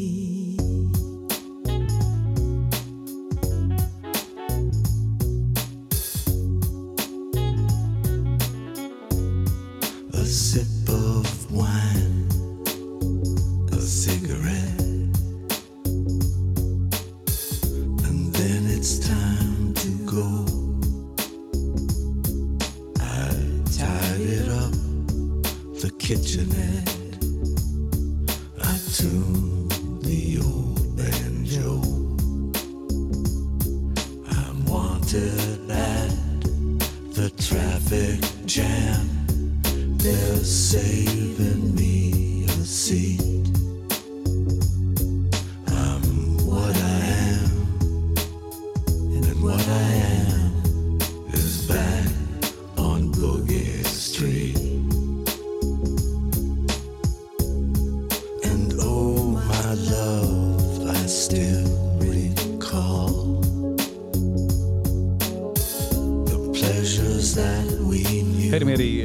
Cohen. Þú, þú fílar svolítið Leonard Cohen. já, Já. Þessi rödd. Já, það er ægilega röddinn í honum að Boogie Street. þessi disku líka finnst mér alveg ekstra góður Já, þetta er nýlegt. Na, það var komið þarna í kringum 2000 þarna í 2000, þess að við vorum já. að súpa fráast Syngur þetta með honum einhver, einhver, einhver kona sem að ég bara man ekki hvað heitir hérna. Ég er að finna á. Já, allavega, eh, hún er ekkert sérstaklega til, til nefnt hérna, sko. er ekkert mikið að nefna hana Nei, hún er nú ekkert með eitthvað minna hlutverk heldur en Leonard. ekki þarna. nei. Herði, en hérna, ég get nú ekki fengið í viðtal hérna á þess að nefna uh, enn fjóra við þig Mm. og, og, og það, það allt saman. Mm. Um, hvenar hvenar uh, byrjar á enn fjórum og, þú, og, og hvernig var það allt Já, ég var eiginlega bara nýflutt hérna norður og það held ég, byttunum við, já var svolítið svona býð eftir að geta farið að taka sleggjuna þarna á hælinu Mhm. og þá bara hitti ég hana Maríu nöfnu mína, framkvæmtastjóra og hún bara, heyrði, viltu kaffi viltu taka kaffi með mér og hérna ég held að þú ættir að koma og stýra hjá okkur fyrstastættinum og ég bara, ha? Hvað, hverju heldur það? Ég bara, ég finn það á mér, hún er svona frekar næm kona, hún fær, fær svona hugmyndir svona bara og sannfæringu Mhm. og, og ég veit ekki, hún bara svona sannfærið mig um að þetta væri sniðut að prófa Já. Og ég var alveg bara svona, já ok, ég er svo sem ekkert mikið annað að gera, ég bara eh, frekar atvinnulis og hérna eitthvað að býða eftir eitthvað annað að fara að gerast. Býðið þess að sleggja hann já, getur og hérna þannig að ég sagði bara, já, okkur ekki? Okkur ekki, slá Já, til og prófa já, þetta og já. þetta pínu svona skeri samt en hérna, Fyrsta skiptið sem hún verið í sjónvarp þá eða þú stýra sjónvarsetti já, já, já, Já, Aldrei, aldrei gert það. Nei. Hvernig var það? Örfá, svona, ég leikið ykkur örfá lítil sjónslutverk eitthvað en ekkit, ekkit svona. Þetta var alveg ótrúlega gaman og, holdt og hérna, Hitti náttúrulega endalust af fólki. Já, hitt alltaf svo Já, skemmtilegt fólk. já, og það er svo gaman að hitta fólk. já, og hérna ég bara, bara naut þess að gera þetta, þú veist, þetta mér finnst þetta gaman en svo hugsaði ég bara þegar ég var búin að verna í 2-3 ár og ég var farin að hitta kannski sama fólki í 3. og 4. sinn já, að þá var þetta kannski bara komið gott og einhverjum öðrum kannski að, líka af því að ég var svona með margt annað í gangi, mér langaði kannski svona að vera þarna all in eða ekki, veist, ekki svona kannski bara Já. hálfpartin, en þetta var rosa næs og, og Ána með, ána með þessi 2-3 ár. Já, þetta var á bara skjánum. mjög gaman sko. Já, ég sá ekkert að ég væri að fara eitthvað lengra með þetta um, Síðan ferðu yfir í, í ella aftur uh, í, í fljótu svona uh, í kjölfarið af því. Það ekki? þetta, já, sem sagt, Marta eiginlega svona benti mér á að sækja um þetta. Ég var ekkert svo mikið á leiðinni þanga ég ætlaði að láta hæli duga einhvern veginn. En, en svo bara samfæraðum mig um að fólk er alltaf að samfæra með mig eitthvað. Já, það er alltaf verið að ringja í þig og bjóða þér eitthvað. En ég sagði bara, heyr, þetta er bara spennandi. Langar bara alveg að prófa þetta og hérna sóttum og, og fekk þetta jobb og er svona uh, að máta mig í þetta, þetta er svona tilraunaverkefni bara að- fastráða einhvern í hálft starf Já, þessi leikskóli, nei þessi leiklistaskóli hann svona hann þarf Mm. að eignast eitthvað svona fastan samastað og við erum svolítið að vinna í því að finna Mhm. þann samastað, núna erum við í deglunni sem er kannski ekki alveg besti staðurinn fyrir leiklistas og vond hljóðgæðin er svo Já, erfið já. en ég er búin að hengja upp öll rúmfötin og allt mögulegt já, já. allt komið upp á veggi þarna en en þetta er bara þetta er bara gott starf og, og, og, og nöðsilegt og, og gaman að koma að þessu og, og vera með í puttana í þessari menninga, menningastofnun og menningamálum og nú er margt spennandi að gerast í menningafélaginu, það er svona svona að verða að skoða upplifunina og fá upplifunar hönnu til að hjálpa okkur að þú veist, nú er hann hættur veitingastæðan það er alls konar eitthvað í deglunni, ég held að sé eitthvað að fara að gerast magnað í hofi Það er hérna eh, hlýtur að vera forréttindi að fá að uh, upplifa það í vinnunni að það er engin dagur nærri því eins. Mm. þá er ekki meina eins heldur bara að það er virðist engin dagur vera nærri því eins hjá okkur það er bara og, og, og er þetta ekki bara æðislegt að fá að vera 50% í þessu og svo 50% í bara þínu bara, Jú, það, það er bara forréttindi sko, ekkert annað. Já, sérstaklega COVID, sko. COVID er náttúrulega búið að, ég lokaði miklu, ég ætla að hafa miklu meira opið á hælinu já, en hef ekkert gert það. Nei. Þannig að það er mjög gott að, að hafa þetta og bara líka mjög skemmtilegt, mjög Já, gaman að finna sko velviljan og hvað allir eru mm glaðið með hann skóla og, börnin glöð og bara kennararnir frábærir og það er bara tóm gleðið með það sko já. en svo maðurinn, hann er doktor hérna på spítala, ekki? hann er að skera, hann er að skera, hvað heitir maðurinn? Ólafur Ingimarsson frá Húsavík. Ólafur Ingi Marsson Húsavík, hann, hann er hérna Já, líka við erum bæðið svolítið komin heim. Já, já, já, það var ekkert erfitt fyrir Vorum hann að reyndar stökkva saman í bekk í mentó en það var ekkert í gangi það nú í alvörunni? Já, svolítið vandræðilegt er það ekki búin að vera að rifja upp hvað gerist, það gerist ekkert á milli bara, og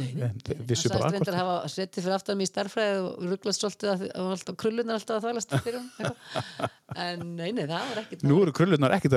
að vefjast fyrir nei, nei. En, en sko, já, þannig að eh, það var ekkert erfitt fyrir hann að flytja um Mosó og, og, og taka stökkið. Honum varst það bara gegja Og þá voru hann að vinna hjá landsbítalan með að hvað? hann var í fósóinum, já Fósánum, já. já. og það er eitthvað engin- bæði sko minni umferð hér Já. og rólegri vaktir. Já, einmitt, já. Það hangi kannski saman Það hangi saman. Já. Það er þetta hjóla í vinnuna hérna, bara ekkert má. hjólu við vinnuna Já. Hjólar þú í vinnuna? Með ramasjól já, fyrir þetta frábært. ekki alltaf á því á hæð stundum þarf ég að taka vistir og alls Já, konar en já. það er gegja Já. það á ramasjólunni í vinnuna Og núna alltaf þessi frábæri stígur hérna, Já. sem að sem sem að upp, sem er bara frábær nú er verið að tala um að setja stíg heinum einn ég líst svo vel að að mér líst rosalega vel á það sko. Það beggja vegna fyrir ykkur sem er að hlusta þá í eigafyrinum, þegar við ferðum inn í inn að Hrafnagili í sundlegina þar að vera með stíg allan hringin Já, komast að líka austurbakkan komast líka á Östubakka þar sem sólin er alltaf. Sem sólinn er á kvöld. Þar sem sólin er alltaf á kvöldin ekki á mótna ekki á mótana Það er rétt, það er svolítið að tala um austur-vestur. Erðu, við skulum taka núna uh, það eru þrjúlu eftir hjá já, þér við erum að fara að spýta í lóðana Já, erum að kenna. Þú var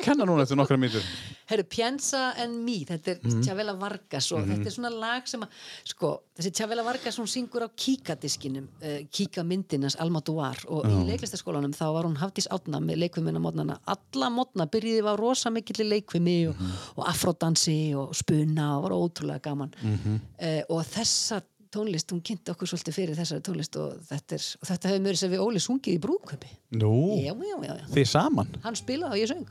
Nú er hann að spila eitthvað? Hann er gítar, Nú, hvað er þetta? Og tekur að þennan gítar bara ekkert mál. Tók þetta, við æfðum okkur vel. Þetta er kona sem að er fætt í Costa Rica minni rétt og hún er mexikosk uh, hún er að vera alast þar upp og hún er Javela Vargas. Piensa en me heitir þetta, við skulum aðeins hlusta á þessa flottu tóna hér og ímynda okkur að Marja og Ólafur séu að spila og syngja þetta lag. Si tienes un hondo penar, piensa en mí. Si tienes ganas de llorar, piensa en mí. Ya ves que venero tu imagen divina tu párvula boca que siendo tan niña me enseñó a pecar. Mí cuando sufras, cuando llores. Marja, hvernig hlusta þú á tónlist í dag? Er það geisladiskur eða vínill eða er það på Spotify? Ég á ekki plötuspilara, langar í hann Já, e, á ekki reyndar margar plötur heldur þú veist vínil, Nei. en, en ég er ekki búin að henda hann einum geisladiskum, ég er með marga kassa út í bara skúr, en hérna við erum með Spotify. Já, bara, bara búið að taka yfir já. Setur upp svona svip Já, líka því að þegar ég var að velja þennan lista Já, þá var ekkit allt inn á Spotify. Nei, og ég var alveg bara, ah, nei, þá get ég ekki spila þetta. Oh, þá get ég ekki spila þetta. Við hefum getað að spila á YouTube. Það er margt til það sko. Ekki tjarnarkvartetin Nei, ekki nei, nógu góð gæði sko. nei, nei, það er rétt. Hann, hann hefði getað verið hérna inn í Já, ég skil ekki það hverju tjarnarkvartetin er ekki konar Nei, ég skil það ekki. Bara jóladisk, Já, já það þarf að gera eitthvað í þessu. Eyvi var nú hérna hjá mér og, og hann var bara með aðra hvora plötinu sína hérna inni sko. hann sagði, ég þarf nú að fara að gera eitthvað í þessu. Bara, ég var að Eyvi alla plötuna en ég að vera inni. Og, og það finnst mér nú. Hann ætlar að vinna í því. Gott. en það eru bara ekkert allir búin að setja alla plötuna sína inn þetta hlýtur að vera verkefni bara. Er því þú eru verkefni, já, já. Uh, Tjavela Vargas uh, frá Suður Ameríku Já, Og- og- ég, ég fór þangað einu sinni. Já, búin að fara náttúrulega Eh, vinkona mín, 24 ára, ég og Milla við fórum í þrjá mánuði og ferðast það um svona. já, hvernig var það? það var æðislegt það var annað svona eitthvað ævintýri sem að var gaman að láta rætast sko. Já, þrý mánuði bara já, Hvað ertu búin að fara, fer, hvað ertu búin að koma til marga landa svona, ef þú myndir hugsa þetta bara svona on the top of your head Fúf, ég veit ekki en ég, ég, ég fór á Já. eftir, eftir Nóriksárið Já. þá kofurðið maður svolítið Evrópu Já, svo fór ég ansi víða hérna um Söður Ameríku við ætluðum okkur svo mikið á þreymur mánuðum að við verðum að hætta við sko Chile og Já. Argentínu og bara helmingin af þessu því að þetta var bara á mikið. Aftur, maður horfir á okkur lítið landakort hérna heima. Já, svo er maður komið, þá er þetta aðeins lengra. Já, já. Þetta er bara pín lítið með að hóra hvort Já, ég get surfað Já, eitthvað. Svo við sleftum einum huge. en hérna víða í Suður Ameríku og svo fórum við fjölskylda núna um árið til Suður Afríku Já, já, já. þrjár vikur, það var líka mjög gaman. Og hvað, hversu su- sunnarlega fóruð þið? við keirðum, þessast við flugum til Jónasaborgar og, og vorum þar í safari og svona eitthvað og svo fórum við fljúandi til Suður strandarinnar hann hvað heitir það, Port, eitthvað? Nú er ég búin að gleyma öllum og svo keirðum við blómaleiðina sem að endar í Höfðaborg. Já í Við vorum Það er nú alveg bara í suður. Já, við vorum alveg síðist bara. Já, já Þið flú, fljúið til hvert, Það er fyrst til og já. svo flugum við svona innanlandsflug Já. til eitthvað ekki, ég- nú manni ekki, Já, já. port, eitthvað Já, já. Uh, já, já. Já, já, það er það eitthvað borg hérna beint söður af Jónasaborg Já. og svo keirum við þarna uh, í þá vestur til Höfðaborgar Og hvað heitir þetta blómalegin? uh, þetta er Garden Route sko, þetta er bara óbáslega falleg leið og Já. mikill gróður og, og grænt og vænt, ég held Já. að sé bara það Og fallett já, Já, stórkostlegt. Og hvert myndu þið langa að fara, Marja, núna eða þú fengi bara að ráða? Mér, mér langar að fara á þennan stað og vera svona lengi eða þú fengi bara að ráða. Er ykkur sérstakur staðu sem að við poppar erum upp? mikið búin að vera að hugsa við hjónin sko, okkur langar svo að fara og vera annarkvort bara þvælast í halvt ár Mm. eða vera á einhverjum stað. Um, svo erum við líka komið með móturhjóladell í ellinni. Já, ertu búin að fóða mótur? já, í fyrra, Hvernig hjól KL 500 500, já, það er flott. Ég veit ekkert hvað það þýðir en hérna, okkur langar líka að fara að ferðast á þeim sko. Já, það er gegg það gerum við einhvern tíma. Já, bara norrana yfir og já, já. þetta er alltaf að gerast byrja bara á eh, Evrópu, einhver svona, Skandinavíu og maður er svolítið mikið, búin að fara á kafið og skoða einsar leiðir, hann er alveg að nördast í og veit alveg hvert við erum að fara. Ég bara fer. Manstu hvernig hjóli hann er á? hann er á Yamaha held ég. Já, já. Oh, ég man ekki, Nei, þú, ég er komið góður, ég við bara... keftum bara einhver notuð hjól og Já. bara hendum okkur í þetta Hvenær tókstu prófið? í fyrra Já, frábært, frábært. Og fannst þér þér ekki bara eðsli? Jú, mér fannst þetta pínu skeri fyrst ég var alveg bara svona uh, lín í löppunum á stressi eftir fyrsta tíman en svo bara kom þetta Náður í beginu til hægri alveg fyrst? Nei, nei, nei, nei. Nei. var hrikalega Já, er ekki erfitt að beða til hægri ég fyrst? hugsi þurfa að læra þetta aftur upp á nýtt sko. Já. Þetta er hlé. Keirður eitthvað síðasta, síðasta vetur, nei sumar til þess Við að... fórum kannski ekki alveg nóg mikið en við fórum alveg í Fnjóskadalinn Mm. og Greinivík og Húsavík og Mývarsveit jú, jú, við fórum aðeins Já, já, það er frábært. Þetta er svona ferðahjól sem þú eru með, svona, með svona boxum og svona sem þú ég getur sett boxa. reyndar, fæ illt í hnén af því að ég held að þegar ég var í Söður Ameríku þá fórum við Milla einhvern tíman um hánótt Mm. í Bólivíu í skítakvölda í 15 tíma rútuferð með kreft Æ, ég hef ekki verið góð í njánum síðan ég en ég finn fyrir þessu á æ. þannig kannski þarf ég að fá mér Harley Davidson Já, Halli bara svona sittur bara beina fætur. Herðu, næst síðasta lagið, um, það er líklega þetta hérna. Já, heyrðu, þetta Já. vildi ég hafa með af því að þetta syngjum við svo mikið ég og vinahjónin Gitta og Rúnar í pottinum og þetta er bara lag sem við sungum líka í mentaskóla kórnum og hinnum ímsu kórum Já. og það er gaman að syngja þetta, þetta er fallegt lag og þetta er bara, Kitta, býrir hún dalí í dag? hún er í Reykjavík sko Hún er ekki ekki. hún kemur reglulega norður og er að fara að byggja sér bústaði í Sáraðal Já, það lýst mér vel á. vonandi, Uh, þetta er hátilegt. þetta er svo fallegt Já. þetta er svo fallegt Þetta er hátilegt og fallet. Þetta er uh, hjá ligniri, ligniri móðu Jón Áskjörsson og hvað með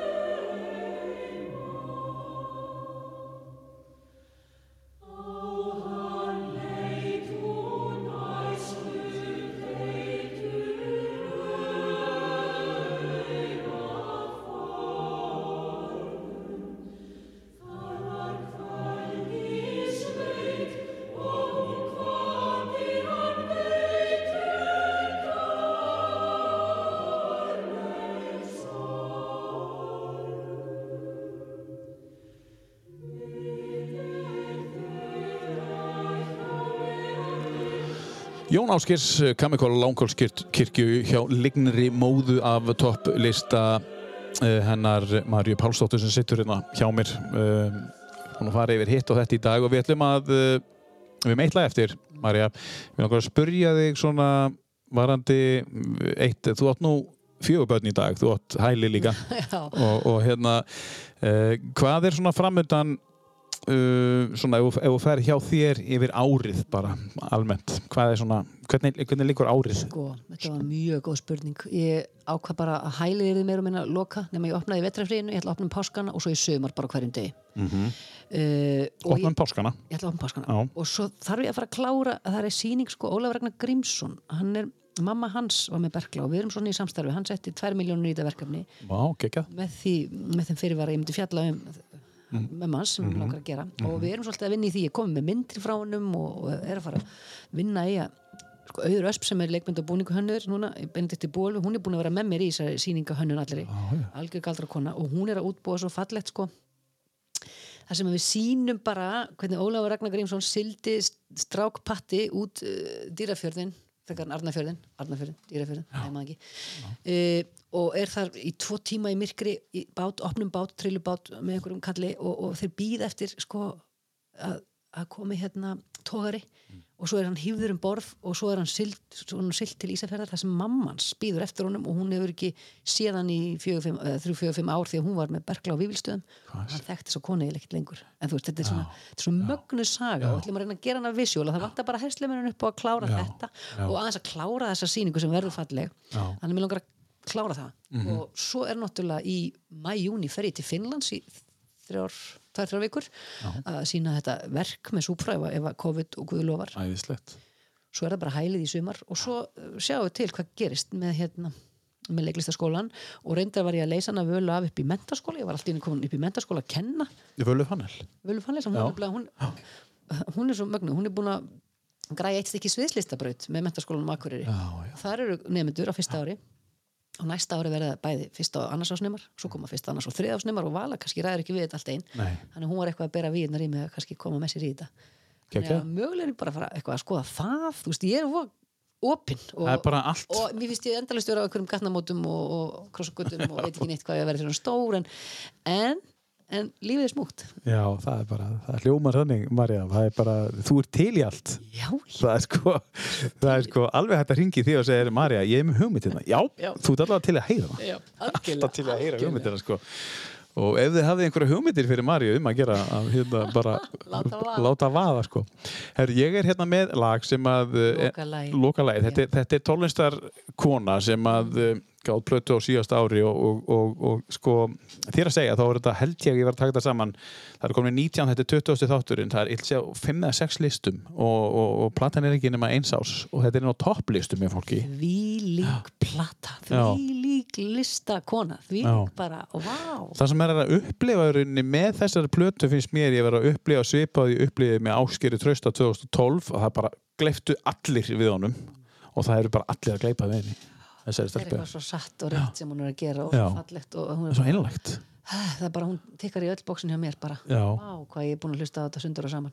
En má ég spyrja, akkur er þetta laga eitthvað annað? kannski Er- bara því að það var búið að spila einhver önnur lög hjá það held ég. Já, já, nei, ég veit ekki, mér finnstu öll svo fá- fáránlega falleg. Já, einmitt, ég, bara, einmitt. ég held ég að teki bara tilvílun að kent eitthvað laga þessar plötu því að þau eru öll svo falleg. Já. meiri segja intermezzo það sem er ekkit sungið þess að er geggjað. Já, já, það kemur hérna inn á milli bara einhvers Já. staðar hérna. Bara æðislega við erum að tala um plötuna kveðja með, með brét Já. um, já, og hérna þú vilja bara velja, þú veist, mér finnstu öll æðisleg. Hér er lag sem heitir Solblóm Já. hann er ekki þú, djúpsár gróahægt nær þér, draumaland. Rólegu kúriki eldum sólina og finn þetta eldum sólina, að sönglu. En mér finnst Já, bara að syngja svo fallega við verðum eiginlega að heyra hann að syngja. Já, já, það já, já. En sko þetta er náttúrulega þetta er uh, brét uh, sem er bara orðin bara stærsta stjarnan Heldur. okkar á Íslandi í dag í tónlistinni. Og hér er hún bara í þessu. Ístra bara, þetta er intermission. Uh, ef enda bara þessu? Ég er til í það. Já. Takk fyrir að koma Marja Pálsdóttir. Takk fyrir, mín var ánægin Það er búið að vera gaman að hafa þig og bara gangi þér vel með uh, allt þitt og hérna og Finnland og, og hælið og, og, og, og kallin á börnin og, og rafhjólu og mótorhjólu og ég veit ekki hvað og hvað. Farið bara alveg í rugglinu já þú ert út um allt. Þetta er aðeinslegt, við ætlum að enda þetta á læginu Eldum sólina með Bríett af blötunni Kvæðja og við þökkum Kelle fyrir okkur í dag, kæri, kæri hlustandi takk fyrir að hlusta og aftur takk Kelle fyrir að hlusta á tíu bestu.